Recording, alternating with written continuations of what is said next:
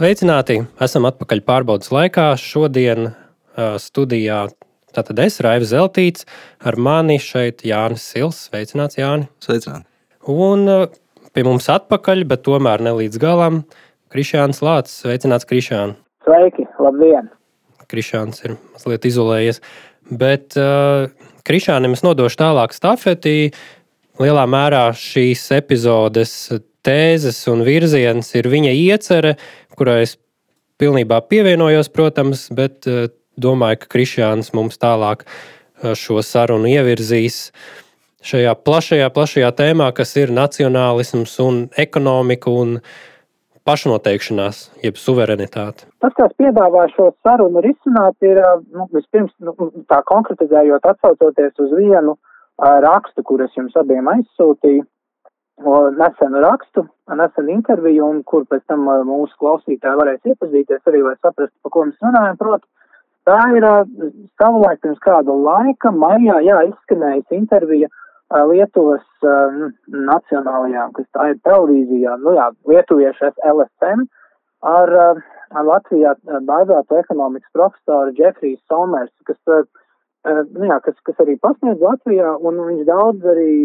nu, man liekas, arī Latvijas mēdījos figurēs vairāk tur saistībā ar privatizācijas un tādām visādām lietām skandāliem, bet, nu, viņš piedāvā tādu īsu, manuprāt, nu, šajā intervijā viņš piedāvā tādu īsu konspektīvu patreizējās Latvijas situācijas nu, skatu punktu vai status quo, kurā mēs šobrīd atrodamies. Proti, runa ir par tā saucamo nu, neoliberālismu vai uh, nu, kā galveno vaininieku bez mazliet pie Latvijas uh, ekonomiskajām nebūšanām, kuras joprojām turpina mūs vajāt.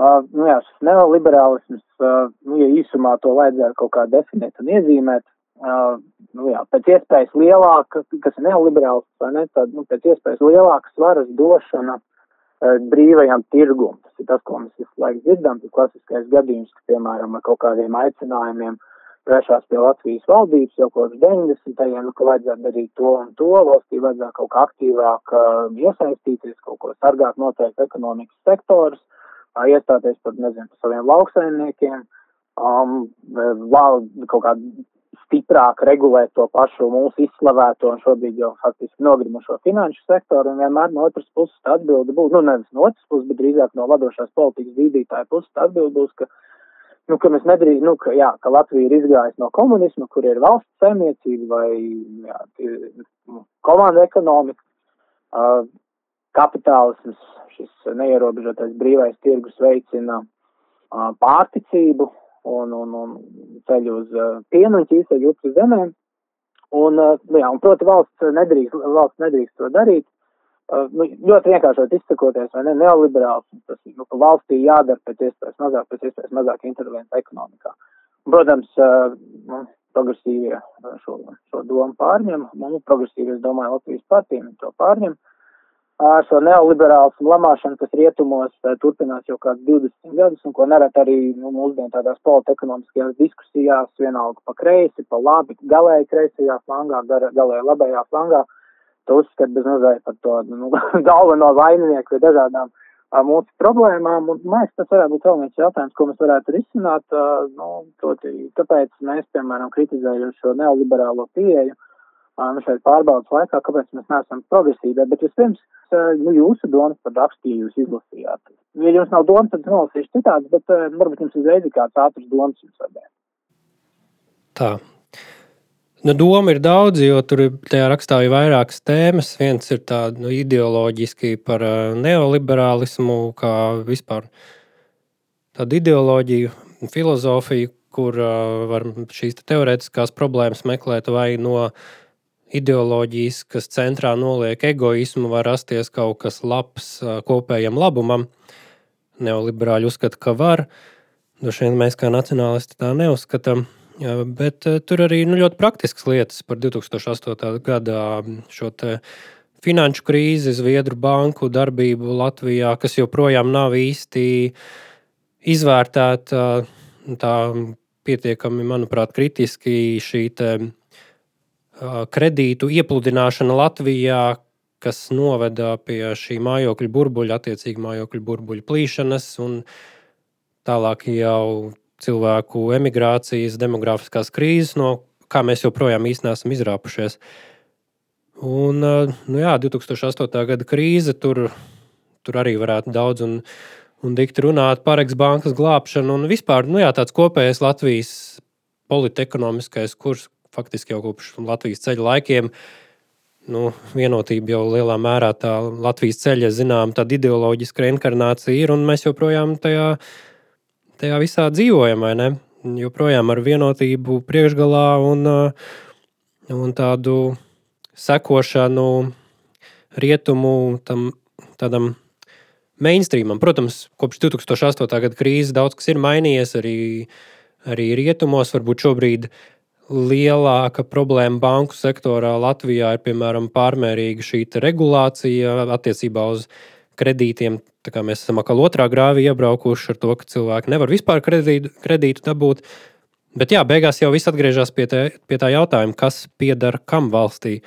Un, ja bankas nepieder mums, pilsoņiem vai, vai valstī, tad, tad arī mēs varam vienkārši reaģēt jā, uz šiem apstākļiem, kurus mēs neesam izvēlējušies.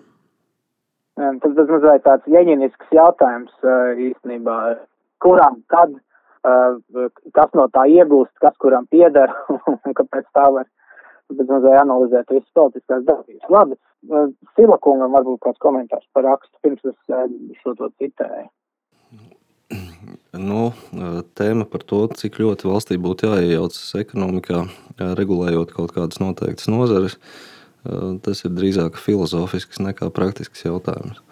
Ja ir šīs divas galējības, kur vienā galējībā mēs varam saskatīt pilnīgi plānotu ekonomiku, un otrā tiešām absolūti brīvu tirgu, kāds patiesībā jau nekur reāli nepastāv, kur nebūtu nekādu aizliegto preču, nebūtu nekādu respektīvi, kur viss būtu nopērkams pilnīgi brīvi, un runa ir tikai par pieprasījumu un piedāvājumu. Um, parasti jau valsts atrodas kaut kur viduspunktā, un tas viss ir saistīts, protams, ar to, kādas vērtības, kāda izpratne par valsts lomu ir tiem, kas tajā brīdī ir pie varas. Bet tāds racionālais atskaites punkts droši vien ir um, uh, apstākļi, kuros uh, cilvēki var brīvi nodrošināt sev iztiku. Manuprāt, tas ir tāds, tā ir tā pozīcija, kur valstī būtu obligāti jāieņem, domājot par regulējumu. Tātad regulējumu visplašākajā nozīmē, sākot ar nodokļu likumdošanu, atļautām vai aizliegtām nozarēm, licencēšanu un tā tālāk. Tātad, manuprāt, tas būtu pats pats tas sākums, ar ko būtu jāsāk. Ja? Tātad nodrošināt apstākļus, kuros cilvēks var brīvi nopelnīt, realizējot savas spējas, realizējot savu darbu spēku un tam līdzīgi. Vai valstī vajadzētu pilnībā regulēt ekonomiku? Es teiktu, protams, ka nē. Jomas, kurās regulācija būtu nepieciešama, noteikti ir tās, kuras mēs varētu nosacīt, dēvēt par strateģiskajām.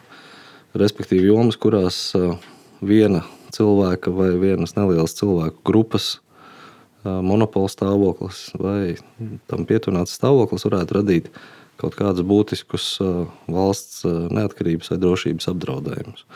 Lūk, šajā, šajos jautājumos, protams, jā, tādos kā piemēram enerģētika, tur noteikti būtu nepieciešama skaidra valsts iesaistīšanās. Un nevis tikai kaut ko reglamentējot, bet arī droši vien kā īpašniekam, kā tirgus dalībniekam. Jūs domājat tādā ziņā, ka valsts ir šo veselu sektoru jā, īpašnieks?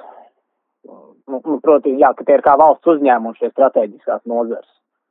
Nu, jā, līdzīgā veidā jau tas arī tiek šobrīd daudz kur realizēts. Nu, teiksim, tas pats Latvijas energo variants jā, vai LMT, kur ir valsts ir viens no lielākajiem akcionāriem. Uh, jā, tā arī es to domāju un saprotu. Nu, vai, piemēram, nu, nu, par tādiem jaunākiem notikumiem man pārsteidza ziņa. Man liekas, tā bija pagājušā nedēļa, ka Briti tomēr saņēmušies un izvēlējušies no jauna atgriezties, proti valstī uzņemties tādu kā pāraudzību pār dzelzceļa tīklu, dzelzceļa nozari, kas Tečeras, šīs slavenās neoliberālās politekonomikas virzītājas vai varētu teikt, pirmās tādas jaunā vēsturiskās īstenotājas laikā, proti, arvien tika promotēta šī privatizācija arī dzelzceļa sektorā, līdz ar to notika atteikšanās no tādas vienotas koordinētas sistēmas. Rezultāts bija tāds, ka 90. un vēl līdz pat veselam, lai, līdz pat nesenai pagātnē visā Anglijā vai ne arī līdz pat Skotijai ir ļoti daudz dažādas dzelzceļa firmas, kurām te vajag savā starpā tur koordinēt darbību. Beigās vēl sanāk tā, ka pats, proti pats pašas sliedes atkal, nu, caur visām šīm izvērstajām privatizācijas programmām, sliedes piedar vienam, sliežu operators atkal ir cits, proti privāti īpašnieks vai ne, nevis nu, kāds, kāds, nezinu, kāds valsts nodibinājums. Nu jā, un rezultāts, protams, bija tāds, ka Anglijas visā dzelzceļa sistēmā bija diezgan liels bardaks, regulāri reisa nokavēšanās un tam līdzīgi, nu, un pašreizējā, teiksim, Borisa Džonsona valdība, kas, nu, valdība nesenam laikam tomēr arī, varētu teikt, bija tādi tečeristi, kaut kādā ziņā neoliberāli, viņi arī secinājuši, nu, ka tā nevar būt, to nevar tā atstāt, nu, šo dzelzceļa sektoru, viņi pied, nu, piedāvāja tagad jaunā programmā tā kā nedaudz vairāk koordinēt, nedaudz lielāku valsts klātbūtni, tur tāds vienots tarifus, kaut kā tādu vienā, vienotu pāraugu ieviest un, un kaut kādu tur kārtību ieviest. Tā ka, nu, protams, tā tas, nu, šo, kaut kādā ziņā, nu, šo uzskatu par tādu um, klasisku gadījumu, kurā iepriekš tāda brīvā tirgus fundamentāli saskarās ar, ar savu, teiksim, politikas griestiem, um, savām iespēju robežām, tad ir spiest pieņemt, teiksim, pat, jā, pat tādu it kā uh, lielu kapitālismu atbalstītāju kā Lielbritānijas konservatīvie, nu, viņi spiest atzīt, nu, ka valstī tomēr ir jāuzņemās kaut kāda patronāža un pāraudzība par, par atsevišķiem privātajiem sektoriem. Labi, tas ir skaidrs. Es nelasīšu citātus, un es gribētu dzirdēt, nu, proti, nu, ko jūs par to domājat, jo Nu, man liekas, ka lietuviešu versija, kas bija angliski lasām no šīm intervijām, bija kaut kādā ziņā pilnīgāka un labāka, bet arī, nu, latviskajā, latviskajā versijā arī šis tas izskanēja. Protams, jautājums mums ir skaidrs, vai ne? Jautājums ir, ko darīt, tas ir tas galvenais jautājums, vai ne? Jo man liekas, ka mēs uz ielas tiešām satiksim gandrīz jebkuru cilvēku Latvijā, nu, proti, mums, mums nav, mums nevajag pārliecināt, sevišķi daudz cilvēku Latvijā par to, ka ka, nu, ka Latvijas ekonomika, ka viss šis eh, mūsu 90. gadu izvēlētais modelis, ka viņš ir bijis problemātisks. Tas, tas man liekas, ir tāds, es teiktu, viens no retajiem uh, konsensiem, proti vienprātībām uh, mūsu sašķeltajā sabiedrībā, par ko man liekas, man liekas, par to nevajag īpaši strīdēties vai diskutēt, man liekas, būs pāri dažādām politiskām partijām, pāri visam politiskajam spektram, būs, man liekas, vienprātība par to, ka kaut kas Latvijas tautsēmniecība nav kārtībā un ka ļoti iespējams tiešām ir jāvaino šīs neierobežotas varas atdošana privātajiem vai brīvā tirgus sektoram. Jautājums, proti, ir, nu, ko darīt?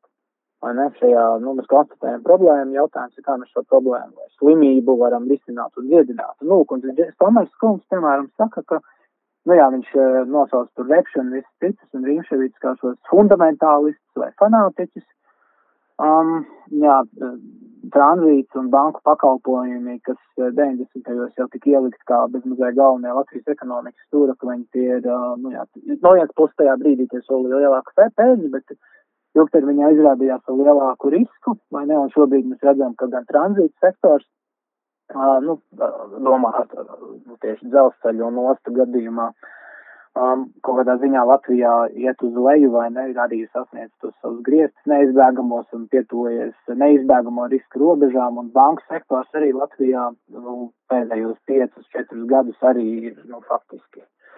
Uh, mēs varētu, mēs Latviju pa mazo Šveici šobrīd būtu grūti nosaukt, vai ne? Bet kas jādara? Lūk, uh, Somers kungs raksta citādā, mums stāsta citātā intervijā, tātad visvairāk darāmā ar latviešiem, jo viņiem nav to priekšrocību, kas Igaunijai vai Lietuvai. Latvijai ir spēcīga IT nozare, Latvija saražo daudz koku materiālu, ko labāk būtu apstrādāt pašiem savā zemē. Nerezidents noguldījuma nozara noteikti nepiedzīvos izaugsmi, tas jā, tas ir beidzies. Lūk, un šis valsts ekonomikas profesors Samers norāda, ka daudzas valstis piedzīvojuši strauju ekonomikas attīstību, reaģējot uz ārējiem draudiem. Piemēram, Somija pirms otrā pasaules kara bija salīdzinoši nabadzīga valsts, bet padomju savienības draudi palīdzēja Somijam kļūt par bagātu valsti tie nodrošināja valdībai argumentus cīņā ar nacionālo elitu. vai šeit interesanti, vai ne, viņš norāda tieši uz elites vai elišu lomu jautājumā par to, ko darīt, ko nu, jātiek galā vispirms vai ne ar šo nacionālo eliti. Tālāk viņš saka, valdībai ir jāsaka, mums jāiegulda vairāk resursu valsts attīstībā. Gal galā tas nāks par labu arī elitei, bet īstermiņā tas nozīmē, ka jāierobežo elites patēriņš, lai vairāk līdzekļu varētu ieguldīt infrastruktūras un cilvēku attīstībā. Valdībai ir jāpamato, kāpēc tas viss ir sabiedrības interesēs. Tas ir viens, un vēl arī interesants, vai ne, un tas parādās angliskajā, bet ne latviskajā versijā, Protams, jums jātiek vaļā arī no neoliberālajiem ideologiem, pat tad, ja viņi pauzē kā nacionāli. Tā arī tāda interesanta piezīme, kas latviešu tekstā neparādās, jā, kas latviskajā tulkojumā neparādās, un, un tas, kas te jaušās cauri vai ne, ir, prot, elitas loma, prot, ekonomisko, vispār kaut kāda ilgtermiņa ekonomiskās nacionālās stratēģijas risinājumu pieņemšanā, un, nu, ko jūs par to domājat, vai nu, par šiem citātiem par nu, jā, elites lomu vispār ekonomisko lēmumu pieņemšanā. Ko darīt? Tas, protams, ir jautājums, ko mēs nevaram izrunāt šī raidījuma ietvaros un daudz raidījumu ietvaros. Tas ir tāds tiešām globāla mēroga jautājums, bet jā, tu pareizi izdalīji. Viens ir šis elites jautājums un jautājums, vai mums ir nu jā, vispār, vai mums ir sava nacionālā elite, kas uz valsti skatās kā līdzekli nācijas interesu nodrošināšanai. Ja šī elite ir pseido-elite, kur katrs, katrs domā par savu kaut kādu iespējamo karjeru, varbūt Briselē, pēc tam, kad viņš ir nokalpojis, bet kad viņš ir nodienējis kaut kādu laiku, tad Latvijā pierādīs rietumu onkuļu acīs, ka viņš ir nu, teikt, piederīgs šai globālajai liberālajai kopienai, un viņš Briselē nu, var būt par kaut, par kaut kādu komisāru, vai arī kaut kādā bankā strādāt par kaut kādu izpildītāju. Līdz tam īstenojot šo institūciju intereses Latvijā. Nu, tā kā tas apmēram līdz šim ir bijis, līdz ar to par kaut kādu nacionālu elitu īsti nevar būt runas. Jautājums, vai nacionālistiem, kuriem būtu jāuzņemās nacionālas elites loma, ir sava ekonomiskā teorija, un man liekas, tas ir tas, ko mēs, kā šis raidījums un arī biedrība, varam tātad strādāt. Proti, nacionālistu kaut kāda ekonomiskā teorija, kas izriet no kaut kādiem arī principiem, jo līdz šim nacionālistu organizācijas jau arī ir lielā mērā bijuši ar visplašāko spektru savā, savā iekšienē, no sociālismu piekritējiem līdz arī neoliberāļiem. Un beigās, nonākot pie valdības galda, nu, turpinās pa lielam tas vienotības kurs. Un, un nacionālistiem arī beigās tiek piešķirtas kaut kādas neekonomiskās ministrijas. Un, uh, jā, protams, jautājums arī, vai no vienas ministrijas šīs lietas var izmainīt. Un Silkungs, ko varētu teikt tieši par, nu, par šīm piebildēm? Tiem par nacionālo eliti tieši. Man liekas, Nu, nu, šeit, būtu, nu, šeit būtu droši vien jānodefinē, kas tad īstenībā ir elite, par ko mēs runājam. Vai elite tādā ziņā, ka tā ir kaut kāda uh, turīgāko cilvēku slānis, ekonomiski aktīvāko vai bagātāko, vai to, ko ikdienā mēdz saukt par oligarhiem, uh, vai par eliti mēs saprotam uh, politiskos vadītājus, vai mēs par eliti dēvējam kādu intelektuālu cilvēku kopienu. Jo ir skaidrs tas, ka Šobrīd es teiktu tā, ka mūsu valsts atrodas zināmā komas stāvoklī. Par komas runāju tāpēc, ka bez nacionāla interešu komponenta valsts organisms ir principā organisms, kas funkcionē bez smadzeņu virsvadības. Jo nacionālās intereses valsts organismam ir kā smadzeņu centrs. Un šobrīd valsts funkcionē pateicoties pieslēgtajai sistēmai, Tās ir Eiropas Savienības institūcijas un Eiropas Savienības ekonomiskā aprite. Līdz ar to šobrīd runāt par mm, Latviju atrauti no visa pārējā Eiropas Savienības organismu, nu, mēs varam ļoti nosacīti. Tas ir kaut kāds līmenis, protams, kurā joprojām mēs varam savas ekonomiskās lietas risināt, bet, ja runājam par kaut kādām globālākām, vispārīgākām pārmaiņām, To mēs eh, nacionālā līmenī pie šiem pašreizējiem apstākļiem gluži vienkārši nevaram izdarīt. Nav tam juridisku instrumentu. Bet vai ne, nereti mēdz teikt, tie paši arī nu, mūsu mīļie progresīvie vai cits tāds diezgan arī ideoloģiski ietekmīgs darbonis kā bijušais Grieķijas finanšu ministrs, ja, nemā, ja nemaldos Jānis Varufakis, Uh, viņam ir arī šobrīd tā kustība gan Grieķijā, gan uh, visur Eiropā. Es tagad, kā viņi saucās, DN25 vai kaut kas tāds, tā viņi to sauc. Tā ideja tāda, ka, uh, proti, nu šie kreisie tā saucamie neolibera, neoliberālismu kritiķi vai, nu, nezinu, brīvā tirgus patvaļas kritiķi vai naudas varas kritiķi, nu, kuri no kreisās puses kritizē, uh, viņi, proti, saka, jā, viņi varētu lieliski mums ir šī Eiropas Savienība, uh, bet Eiropas Savienība ir sagrābuši šie, nu, nezinu, ultrakapitālisti, finanšu magnāti, kaut kādi privātu ekonomisko interešu cilvēki. Bet, lūk, mums ir tieši, mums ir nevis jāatsakās, protams, tagad es runāju viņu šo kreisās kritikas vārdā.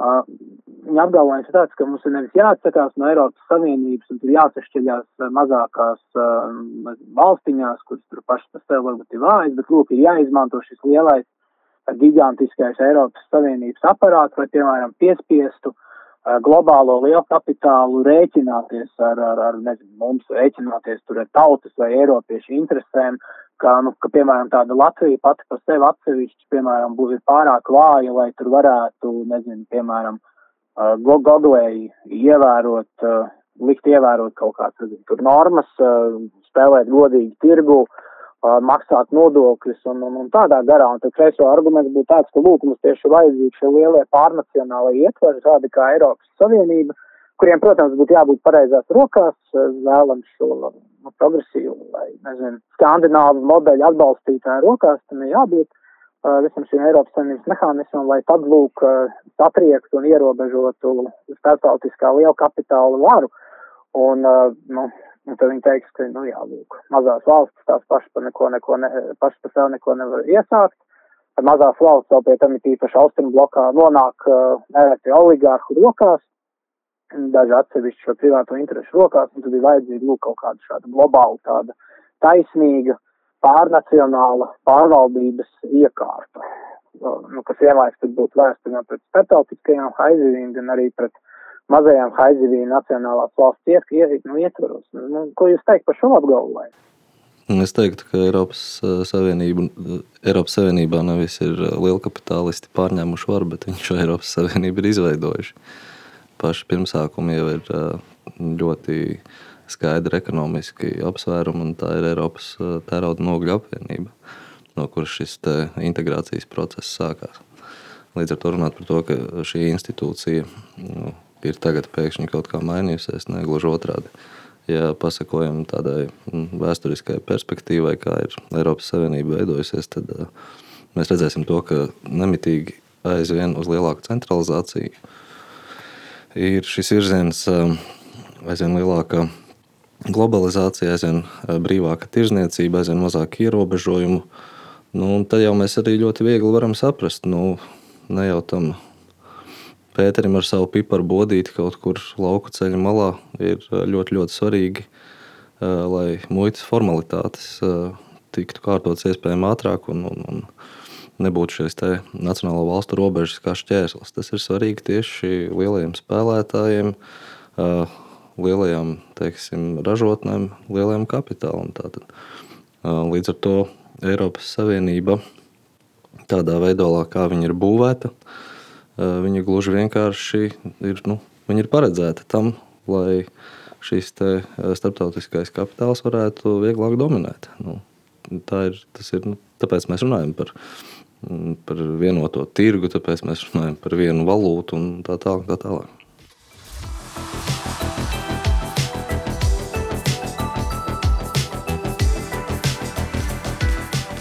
Teorija izklausās uh, it kā pareizi un varbūt realizējami teorētiski. Tātad, loģiskajā pasaulē ir kaut kāda civilizācija bloki, ja, ASV, Ķīna, Islāma bloks nosacīti, tur ir dažādi spēlētāji, bet nu, labi, pieņemsim Turciju un tam līdzīgi. Nu, un, jā, Eiropas Savienība tā tad kā tāds ekonomisks bloks, kas izmanto savu tādu ģeopolitisko civilizācijas varu, lai uh, iekšēji regulētu savu ekonomiku, sargātu to no globālām haizīm. Nu, jā, it kā, izklausās loģiski. Praktiski es domāju, ka tas nebūtu realizējams. Viena iemesla jau tikko minēja. Proti, Eiropas Savienības vienu no tādām uh, izpausmēm un būtībām un cēloņiem, kāpēc viņi vispār pastāv. Es minētu arī otru Eiropas Savienības tādu aspektu, kas nav tikai šis te, uh, tā, tā, tā, globālais kapitālisms un um, pakļaušanās kaut kādiem ekonomiskiem varas centriem, bet uh, šī birokratizācija.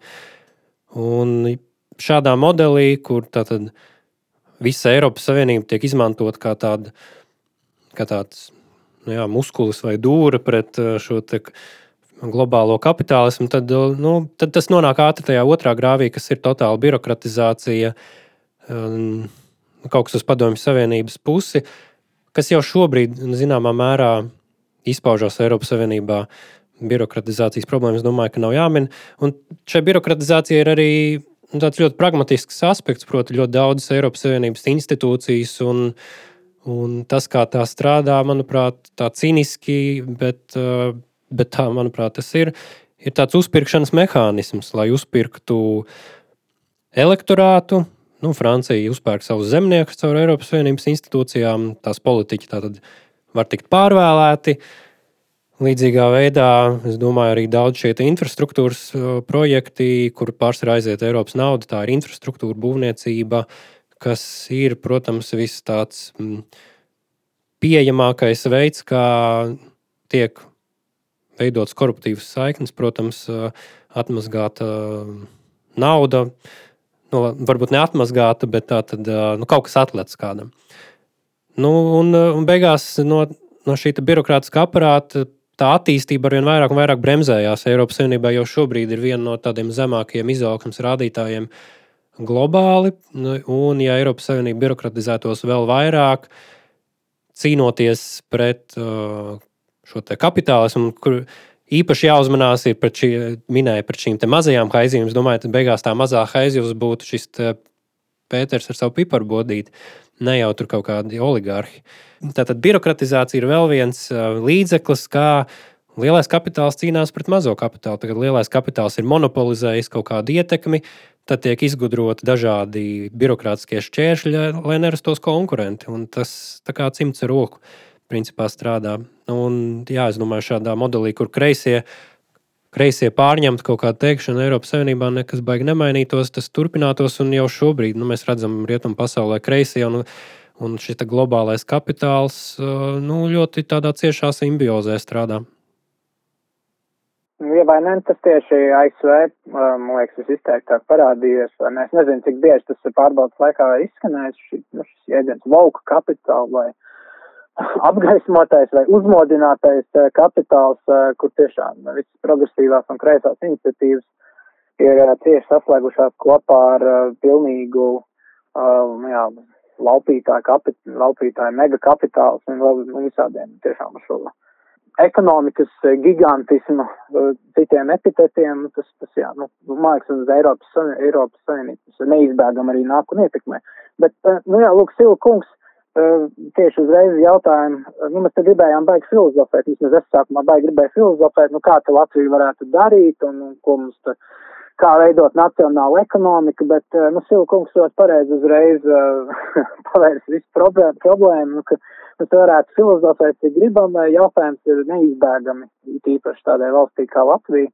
Nu, protams, jautājums neizbēgami par Eiropas Savienību. Ne? Un es gribēju tieši vairāk uz sarunas beigās par to, bet Tā galvenā sāta, protams, par to, eh, ko solīja eh, savulaik iestājoties Eiropas Savienībā un kā uh, viss gal galā izvērsies? Un tieši šīs ekonomiskās suverenitātes, proti uh, pašnoteikšanās, ekonomiskās pašnoteikšanās jautājums sakarā, proti ekonomiskā pašnoteikšanās suverenitāte, tas nozīmē, ka valstī pieder uh, gan iniciatīva, gan var, nu, proti valstī drīzāk ievēlētajiem, poli, demokrātiski ievēlētajiem politiķiem, suverenitāte, ekonomiskā suverenitāte paredzētu, ka šie politiķi spēja izdarīt uh, neatkarīgus lēmumus, uh, pilnīgi nebalstoties tur privātās interesēs vai kaut kādās globālā kapitāla interesēs vai, nu, nu pārnacionālu institūciju uzliktās uh, kvotās, ka šie politiķi spēja izdarīt lēmumu tautas kopīgā labuma vārdā. Un tas būtu tiešām tāda, manuprāt, pēc iespējas īsāk tādu suverenitātes definīciju, it īpaši ekonomisko jautājumu jomā, ka, tieši, nu, ka tiešām politiķi redz kādu sociālu problēmu, sabiedrisku problēmu, par kuru sūdzības nāk no lejas un tad nu, no tautas, un, un tad ne, un tad neizbēgami viņiem ir, šiem politiķiem būtu jāapklusina, nezinu, jāizver ausis uz dažādiem visādiem um, nozares, uh, šo lielo haizivju um, satraukumu pilnajiem saucieniem, nu jā, drīzāk nereti, ka tiek pieņemti šie lielie um, politekonomiku ietekmējošie lēmumi, tiek pieaicināti nozares pārstāvji, nu vienalga, vai tā būtu tiešām meža nozara, ostu sektors, um, enerģētikas sektors. Nu, bet galā izrādās, ka šie uzņēmumi strādā peļņai, vai ne? Nevis tur kopīgajam labumam, bet peļņas gūšanai vienkārši vadoties pie šiem dzelžēnajiem pieprasījumu piedāvājumu un nežēlīgās konkurences likumiem. Un tajā brīdī, protams, šie dažādie ekonomi, lielie ekonomiskie flagmaņi ietekmē politiskos risinājumus, un, un, un tas ir tā kā viens spiediens no vienas puses, no otras puses spiediens, protams, ir no dažādiem Eiropas Savienības cilvēkiem, uh, pareizi sakot, Eiropas bankas cilvēkiem, kuriem atkal ir svarīgi, kādā, kādā stāvoklī ir Latvijas ekonomika, lai tas tur pārāk neietekmētu eiro fluktuācijas, jo tas ir vēl viens suverenitātes ziņā jautājums, ko mēs uh, nevaram ignorēt, vai ne, ka Latvija nevis vienkārši daļa no šīs uh, Eiropas ekonomiskās kopienas, un mēs vienlaikus esam daļa no Eirozonas, tātad mēs esam vēl ciešāk integrēti šajā brīnišķīgajā projektā, kas vienlaikus mums uh, sasien rokas, vai ne, ar vēl vairāk. Un, un tas varbūt vēl būtu atsevišķs jautājums par eiro un suverenitāti, bet tas, ko es gribēju teikt, tā lielā sāpe ir ko mums solīja sākumā. Labi, mums solīja attīstību vispārējo, bet vienlaikus mums solīja un jau sākumā izskanēja bažas, ka, piemēram, vācieši, eh, skandināvi un citi, kuri varētu būt interesēti Baltijas reģionā, un tīpaši arī Latvijā, ka viņi izmantojot savu pieredzi, uzkrāto kapitālu un vispārējo mierīgi varētu pārpirkt veselas nozares īpašumu Latvijā. Un sākumā, protams, iestājoties Eiropas Savienībā, arī, teiksim, pats mūsu pašreizējais prezidents Levita Kungs, bija tie solījumi, nu, kā, lūk, iestāšanās līgumā mēs varētu paredzēt kaut kādas atrunas, kā, nu, un tāds nosacījums, kā, nu, nezinu, ka tik brīvi, piemēram, mežas un īpašums un zemi, lauksainīcības zemi ārzemnieki, uh, jā, Eiropas saimnības pilsoņi, bet ārzemnieki no Latvijas skatījuma tik un tā nevarētu iegādāties. Bet, nu, beigu galā, te mēs esam jau, cik gadus mēs esam Eiropas saimnībā, kaut 15, 16 gadus, un, uh, Paskatoties tādās statistikās, eh, jā, izrādās ir milzīgi, izrādās eh, valsts eh, šī strateģiski svarīgā meža sektora zemes ir nemaz izrādās nav Latvijas pilsoņu rokās, un nu, tas ir tas stāvoklis, kādā mēs esam, un, un, un tajā brīdī, kad mēs, piemēram, gribētu kaut ko darīt, lai šo ierobežot, jo tādas iniciatīvas no Latvijas puses ir bijušas, tīpaši arī lauksainiecības gadījumā. Uh, bet, uh, nu, šobrīd tā Maastrichts eh, līguma Eiropas Savienība ir tāda, ka, nu, ja kāds šāds lēmums, eh, kurus valsts varētu pieņemt, lai ierobežotu tiešām ārzemnieku nu, iejaukšanos Latvijas tautsaimniecībā, šāds lēmums brīvi var pārsūdzēt uh, Eiropas Savienības tiesā kā neatbilstošus uh, dažādiem dokumentiem. Un, nu, jā, un viss, un, un, un tīpaši tiešām tāda neliela valsts kā Latvija, nu, ko mēs tur varam iesākt pret to, vai ne? Un tā skaitā mūsu demokrātiski ievēlētie politiķi, jo mums ir šis lielais rāms, Eiropas Savienība ar visām kvotām, ar visiem līgumiem. Um, nu, jā, un, un, un parasti, kad es, nu, es personīgi saskaros ar šādu situāciju, nu, tad, nu, nu proti, ar, ar šo apskārsti, nu, tur nu, nolaižās rokas. Es nezinu, nu, kā jūs to komentētu. To, ko mums solīja un kā tas ir izvērsies, uh, ko, ko mums solīja iestājoties un kā tas ir izvērsies lūk šobrīd galu galā. Es domāju, ka šī tēma noteikti Jānis Silam ir vistuvākajā, ņemot vērā, ka viņš 2000 jau trešajā, varbūt pat agrāk, otrajā bija viens faktiski no vadītājiem uh, kustībai, kas bija pretiestāšanos Latvijas, Latvijas iestāšanos tātad Eiropas Savienībā. Tā kā varbūt Jānis varētu šo sāpju izteikt. Nē, nu nekādas sāpes jau gluži vairs nav. Ir uh, likuma sakarības, kuras bija skaidri redzamas jau tajā laikā. Un, uh, nu, tur uh, jautājums tikai bija par to, uh, cik uh, cilvēku cik liels cilvēku skaits bija gatavi izprast tās likuma sakarības, par kurām mēs to brīdi arī runājam. Kaut gan patiesībā jau princips ir ļoti vienkāršs. Nu, um, jebkurš Eiropas Savienības likumdošanas akts ir ar juridiski augstāku spēku nekā Latvijas Republikas satversme. Viss punkts. Pie tā mēs varētu arī apstāties. Jo viss pārējais, ko mums pieņem ministru kabinets, un tā tālāk, kas ir vēl uh, pakāpē zemāki tiesību akti, gluži loģiski ir sekundāri salīdzinot ar Eiropas Savienības normām. Un uh, ir saprotams, ka, uh, ja tu nu, šī gadījumā ar to domājot Latviju uh, kā valsti, ja tu uh, tiec iesaistīts sistēmā, kurā uh, tu pats brīvprātīgi piekrīti ka visus tavas dzīves aspektus, ekonomiskos, kultūrālos un tā tālāk, un tā tālāk kāds regulēs. Tajā brīdī, kad viņam liksies, ka kaut kas ir jāpārmaina, ja, tad viņš to varēs brīvi izdarīt. Ja, nav nekāda mehānismu šķēršļu, kas viņam to traucētu.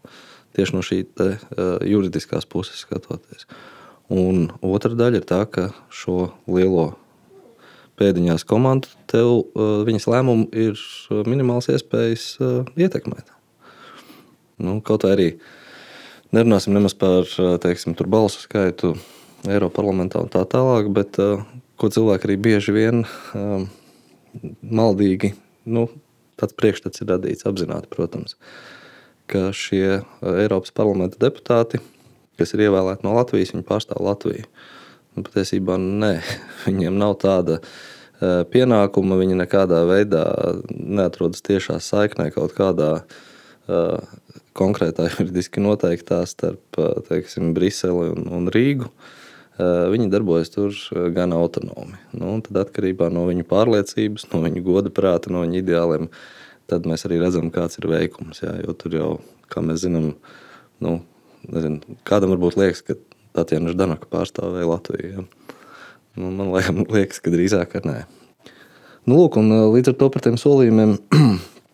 um, nu, man uz to ir tāds ļoti mierīgs skats, tāpēc, ka tā laika solījumi, viņi lielākā daļa visi bija ļoti, ļoti caurspīdīgi un skaidri redzam, ka, nu, ka tas nav vienkārši iespējams. Ja, ja runājam par teiksim, šo brīdi, tad turpinot tēmu par medicīnisko terminoloģiju, ekonomika ir valsts asinsrīte pēc būtības. Un, un šobrīd ir jāsaprot, to, ka Latvijai un Eiropas Savienībai viņi ir kopīgi. Nu, mēs esam tā kā tādi sijāmas dviņi, jā, nosacīti. Nu, lūk, parasti uh, atdalīšana beidzas ar to, ka izdzīvo tas no abiem, kuram ir uh, visvairāk to savu iekšējo orgānu, jā, kurš ir spēcīgākais organisms.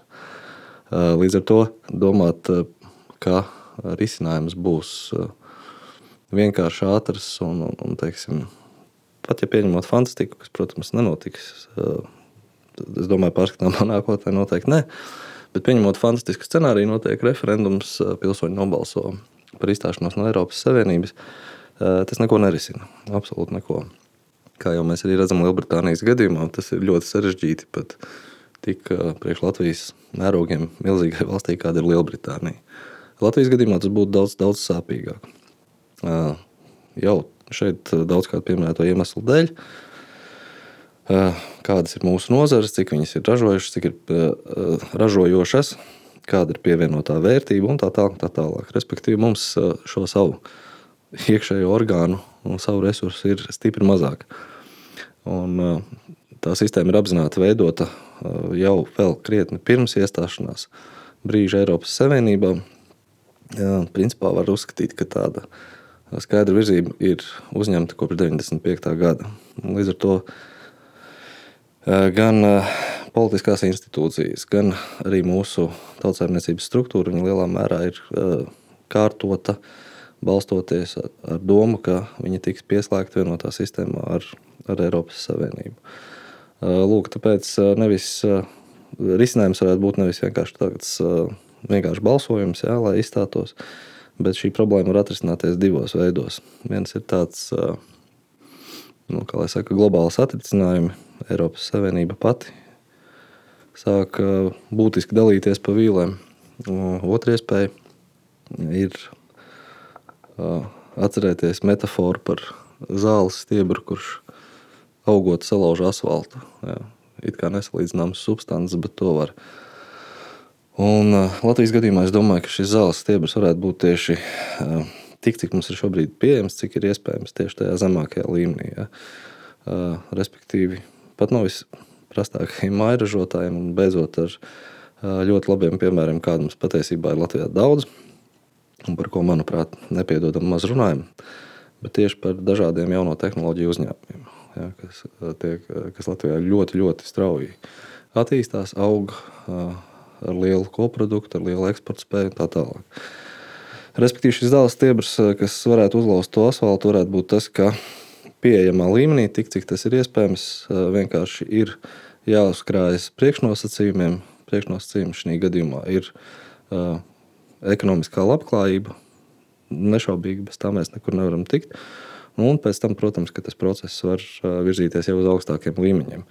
Jo nu, ne tikai Eiropas Savienībā, bet jebkur, jebkurā valstī, patīk mums tas vai nē, bet politika ir cieši saistīta ar naudu ar kapitālu. Tas pats vecais nodrāstais teiciens par to, ka kas maksā, tas pasūta mūziku. Nu, viņš ir spēkā arī šajā gadījumā. Un, ja tie, kas ir spējīgi maksāt un pasūtīt mūziku, nav uh, savas valsts pilsoņi, tad maksā mūziku pasūta kāds cits. Līdz ar to uh, teiksim, tāda vispārēja ekonomiska attīstība uh, valstiskā līmenī viņa nešaubīgi mainītu spēku samēru jau nacionālā līmeņa politikā. Ja. Tas atspoguļotos nu, ilgtermiņā kaut kādā pārskatāmā, bet tomēr tas atspoguļotos arī uz saimnes sastāvu, uz ministru kabineta sastāvu. Šobrīd jau tā problēma bieži vien ir tā, ka vietējiem nav resursu. Nu, tā prasti teikšu, vietējiem nav resursu, lai nopirktu savus politiķus. Tāpēc viņi spērk citi, tiem, kam šie resursi ir. Un, ja mēs gribam kaut kādas pārmaiņas, tad ir jāsāk tieši ar šo virzienu, ar to, lai mēs spētu, lai mēs uzkrātu nacionālo kapitālu. Un tas varbūt ir viens no tādiem atslēgas jēdzieniem. Jo bez šī nacionālā kapitāla uzkrāšanas tad, tad, mēs varam aizmirst gan par, gan par kaut kādu nacionālajiem interesēm atbilstošu politiku un tā tālāk. Tā tā. Bet skaidrs, vai ne, ka nacionālo kapitālu uzkrātais, un es pilnīgi piekrītu, jā, ka mums ir ļoti daudz eh, brīnišķīgu un spožu uzņēmējumu, kuri tiešām ražo, un es nezinu, pirmais, kas man es tāpēc nāk prātā, nāk Altīnas cirvi un John Neiman tools, un tie, protams, eh, nu kā šādiem maziem, maziem, maziem tādiem gabaliņiem akumulējoties, protams, kaut kāda kritiskā masa vai netiek sasniegta, radot spēcīgu ekonomiku, bet lūk, šis nacionālā kapitāla uzkrāšana neizbēgama, ne? Tik un tā ir nu, atkarīga no pareizas valsts politikas. Es to varētu noformulēt tikai tā, ka vismaz no patreizējā skatu punkta, ka, nu, ka valsts vienkārši netraucē. Un atkal tas pirmais risks, pirmais risks atkal ir, nu, ka, nu, ko, vai tas nozīmē šo lasēsē, vai kā es to izrunāju, vai ne, šo brīvā tirgus pieeja, nu, ka valsts vienkārši nejaucās, nezinu, valsts darbojās kā, naktas sargs, un tad nu, ļauj vienkārši cilvēkiem pašiem kaut ko pelnīt naudu un darboties. Vai, nu, un, bet nu, gal galā, un mēs nonākam šeit pie tā paradoksa, ka pa ko vairāk jau daudz, daudzkārt ir atzīmēts, piemēram, tādos pētījumos par, par populistiem, un, un, un nu, kas mums tagad ir nacionāli populistiskās kustības dažādas Eiropā un arī globāli. Uh, un, piemēram, uh, jā, tāds Metju Gudvins vairāk kārt norādījis uz šo paradoksu, ka uh, Proti, ko populisti vēlas, viņi no vienas puses vēlas mazāku valsts uzbāzību un iejaukšanos, un otrs puses vēlas vairāk. Un, un proti, šo, šo it kā nes, divas nesavietojamās pozīcijas oponenti tad izmanto, nu, nezinu, lai, lai teiktu, nu, paskatieties, te populisti un viņu vēlētāji ir pavisam saikuši prātā, viņi nezin paši, ko viņi grib. Uh, no vienas puses viņi lamā valsti, viņi lamā valsts iejaukšanos, intervenciju un uzbāzību, bet no otras puses viņi kaut ko pieprasa no valsts. Un šeit nu, pēdējos gados tas restomātiskākais piemērs um, tādā uh, lamāšanas ziņā un apsaukāšanas ziņā bija zelta no vesta kustība Francijā, kur arī it kā, nu, radās vai nekā reakcija uz uh, spiediens no Eiropas Savienības institūcijām pakārtot ekonomiju zaļajām kursam, no otras puses ir Uh, uzņēmība pret šo zaļo kursu uh, nezinu, Makrona puses, uh, tas noteikti tiek pieņemti, vai ne, mēri, kā krieviski mēs teikt, lai šo zaļo kursu ieviest, piemēram, lai tur sadārdzinātu dīzeli un degvielu un vispārējo, bet, nu, no Francijā tomēr tauta, tauta ir kaut kāds savs viedoklis, ir pretspiediens, un uz uh, protestu laukos un vispārējais ar traktoriem un bloķēšanām un mītiņiem, un, un, un tas, tas turpinājās ļoti ilgi, tas turpinājās gandrīz gada garumā.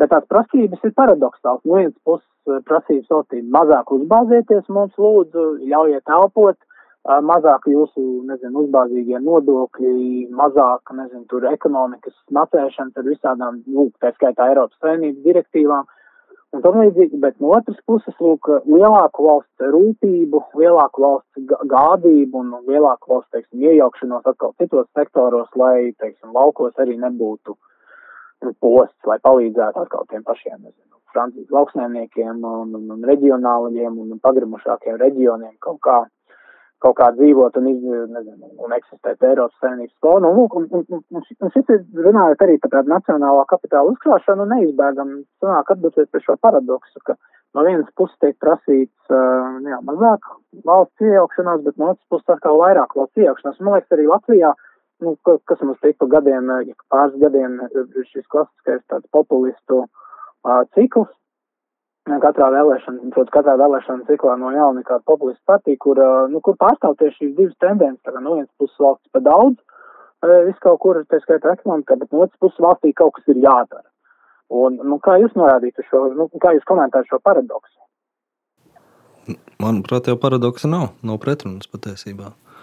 Tāpēc, ka tas tā tiešām arī ir, ir kaut kāds līmenis jomas, līdz kurai ne tikai nevajadzētu, bet pat būtu kaitīgi valstī iejaukties. Tad ir savukārt eh, jautājumi un eh, sfēras, kurās valsts reglaments un klātesamība ir obligāti. Jo eh, nu, ir, ir nepareizi, apgrūtinoši un cilvēkiem nepatīk izraisoši dažādi. Dažādas teiksim, prasības, kas ir ļoti maziem uzņēmējiem, pārtiks ražotājiem, amatniekiem un tā tālāk. Tā tālāk. Ja pat eh, vismazākajai sijā, kur cilvēks varbūt ir vienīgais darbinieks, eh, visi grāmatvedības principi, eh, atskaites, licences un tā tālāk, tā tālāk ir tieši tādas pašas kā teiksim, firmai, kura nodarbina 10,000 darbiniekus. Jā, vai, vai mazai lauka kafejnīcai ir jādarbojas pēc precīzi tādiem pašiem noteikumiem. Birokrātiskais sloks uz viņu pleciem ir tieši tāds pats kā, piemēram, lielai ēdināšanas ķēdēji. Tas nav pareizi. Pareizi būtu, ja būtu kaut kāds šis līmenis, kurā cilvēks var pats, teiksim, ja viņš ir gatavs par sevi parūpēties, nopelnīt sev iztiku. Ir jābūt šai kaut kādai, nu, kā lai saka, kaut kādam uzticības kredītam, ja, lai cilvēks darbojas. Mēs varētu par tiem formātiem runāt ļoti dažādi. Ja, tās varētu būt kaut kādas mazas uh, patentu maksas, nu, lai it kā būtu kaut kāda daļa no viņa ko viņš samaksā nodokļos. Tāpat tās, es domāju, ka ir jābūt uh, kaut kādam ienākuma līmenim, ko vienkārši neapliek ar nodokļiem ja, līdz brīdim, kad uh, šis līmenis tiek sasniegts. Nu, lūk, uh, tā tad ir noteikti šī sfēra, kur, kur ļoti daudz ko cilvēku varētu darīt. Nevis skatīties uz viņiem kā uz noziedzniekiem, nevis tērēt valsts resursus, lai katru šādu mazo, mazo mairažotāju vai, vai, vai rokdarnieku, mm, kā lai saka, turētu zem lupas un, un skatītos, vai tikai nav kāds santīms kaut kur aizgājis pa kreisi. Tur būtu vajadzīga lielāka brīvība, protams, un mazāk iejaukšanās. Savukārt, tur, kur ir, kā jau mēs sākumā runājām, ir šie strateģiskie jautājumi, ko ir bīstami atstāt viena cilvēka vai dažu personu rokās. Un tur ir jābūt skaidrai valsts klātesamībai ar saviem principiem. Atsevišķos gadījumos iespējams arī ar kaut kādu kapitāla līdzdalību. Nu, pēc savas būtības es, piemēram, uzskatu, ka valsts nav radīta tāpēc, lai viņa nodarbotos ar uzņēmējdarbību. Valstī nav jākļūst par uzņēmēju tiešā veidā. Valsts ir tas formāts, kādā sabiedrība ir izveidojusi tādu organizāciju, kas parūpējas par tiem jautājumiem, kas ir visiem kopīgi, ko katrs atsevišķi pat īsti nevar atrisināt. Nu, tādā formātā arī valstī būtu jādarbojas. Un īsti pretrumus es neredzu jā, par to, ka vairāk un mazāk. Uh, Jā, kā mēs, mēs jau sākumā arī secinājām, ka starp šīm divām galībām, tātad pilnīgi valsts kontrolēta ekonomika un pilnīgi brīvo tirgu, ik viena valsts atrodas vairāk vai mazāk pa vidam, nu jā, dažas vairāk uz valsts kontrolēto citas vairāk uz šo brīvo tirgu, bet nav tādas tās tīrās formas. Un arī Latvijā nu, nekad jau nav bijis tā, ka valsts tiešām nejauktos. Parasti nu, šis brīvais tirgus ir nosacīts īsts posms, kurā šie finanšu un citi ekonomiskie spēki sakoncentrējās, izveidojās tādi vai citi ekonomiskie grupējumi, un viņi sāk tā vai citādi ietekmēt valsti. Kā jau minēju, birokratizācija lielā mērā arī veids, kā tiek ierobežot potenciālie konkurenti. Un, ja valstī būtu tāda nacionāli domājoša elite, tad viņa arī šādā veidā vērtētu, kur valstī ir mazliet jāatslogo uzņēmēji, kur atkal kaut kāda veida darbības ir kaitīgas kopējam labumam. Un uh, ļoti daudz ko no tā var darīt uh, arī esot Eiropas Savienībā. Mēs uh, ļoti daudz par Eiropas Savienību runājam, bet ļoti daudz arī mūsu pašu censoņi ir pārcentušies. Jā, gan mūsu vids ir unikāls Baltijas kontekstā, un es domāju, arī plašāk. Gan tas, cik grūti šobrīd ir piekļūt vispār kredītiem. Ja mēs atrisinātu nacionālā līmenī, un to var atrisināt, manuprāt, vairāk vai mazāk nacionālā līmenī, šo kredītu pieejamību un birokratizācijas slogu. Un trešais, nu, lielā mērā arī saistīts ar šo paredzama nodokļu politika, kas balstās uz principiem, nevis uh, Excel tabulām. Katru gadu viņi pilnībā tiek pārmainīti jo Excel tabulā kaut kas nesakrīt ierēģiem, bet uzņēmēji no tā cieši. Ja mēs šīs trīs lietas atrisinātu, tad mēs jau būtu izdarījuši lielu varoņu darbu. Bet tas ir politiskais jautājums, politiskās gribas jautājums. Nu jā, vai ne mistiskās politiskās gribas, vai vēl labāk, man patīk šis vārds valsts gribas jautājums. Nu, no vienas puses, atkal ir tas, tas, tas pesimistiskais, eh, nu, vai vispār tiešām nu, kaut ko darīt uh, Eiropas Savienības ietvaros un paskatieties, cik grūti ir Anglijai. Nu, tas, kas arī jūs, no jums izskanēja. Bet no otras puses, nu jā, tajā brīdī, kad tiešām valsts elites saprot, ka ir vajadzīgs nacionālā kapitāla uzkrājums, uh, jā, nu nezinu, ka ir vajadzīgi arī nacionāli angažēti politiķi, ka tiešām nauda, nauda tiek pakārtota politiskajām interesēm. Uh, nevis otrādi, ka politiskās intereses tiek pakārtotas naudai.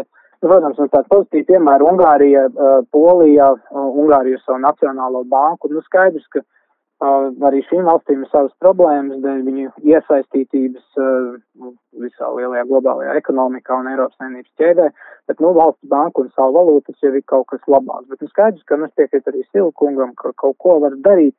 Uh, nu jā, noapaļojot šodienas sarunu, uh, divas lietas, par ko vajadzētu, es, nu, es to varu pieteikt kā nākotnes tēmas, vai ne, proti struktūru, ko runā. Viena būtu, par ko būtu vērts padomāt, vai runa par individu, kā galveno ekonomiskās darbības to aģentu vai centru, vai drīzāk par ģimeni. Un, nu, tādos klasiskākos ekonomikas skatījumos, valta ekonomikas tā skaitā, tas ekonomikas centrs īstenībā ir ģimene tad visa valsts tautsēmniecība būtu jāorientē un jā, jā, jāvirza ap, ap šo ģimeni. Tas jau arī jēdzienā ekonomika, principā, oikonomika. Oikos ir maisaimniecība. Ģimene. Jā, un tad mēs varam iedomāties tautu kā tādu paplašinātu ģimeņu kopību, kurā tad organizē savu saimniekošanu. Un, piemēram, šī jautājuma fona var apskatīt arī to pašu teiksim, progresīvo iniciatīvu par uh, mantojumu nodokli, kas, piemēram, ir kaut kas pilnīgi neiedomājams no tās klasiskās ekonomikas skatu punkta. Uh, nu, nu, tas būtu viens. Otrs, protams, ir tāds jēdziens kā subsidiaritāte, daudz pakāpju policentriska ekonomika. Uh, to arī var organizēt, manuprāt, ar patreizējiem līdzekļiem. Uh, to, es domāju, ka gan mēs par šīm divām lietām kaut kad turpmāk varētu arī parunāt. Un to es varētu kā tādu, uh, nu, kā angliski saka, āķi pamest kaut kad uz nākošām tēmām. Padomājiet par šīm divām lietām, subsidiaritāti un, un ģimeni kā ekonomikas ekonomiskās organizācijas centri. Tā skaitā arī, kas varētu nākt par labu nacionālajai valstī. Nacionālās interesēs balstītā ekonomikai. Nu ko, labi, šo, tas šodien uh, no manas puses viss. Paldies par, uh, manuprāt, atkarīgo sarunu, par divām labām idejām, kuras izskanēja, it īpaši arī no Sila kunga. Man kā viesu būtu labi arī no Sila kunga, Sila kunga dzirdēt arī kaut kad nākotnē. Pilnībā pievienojas. Jā, labi. Paldies. Uh, visu labu. Redzēšanos no manas puses. Un tiekamies kaut kad nākotnē. Tiekamies!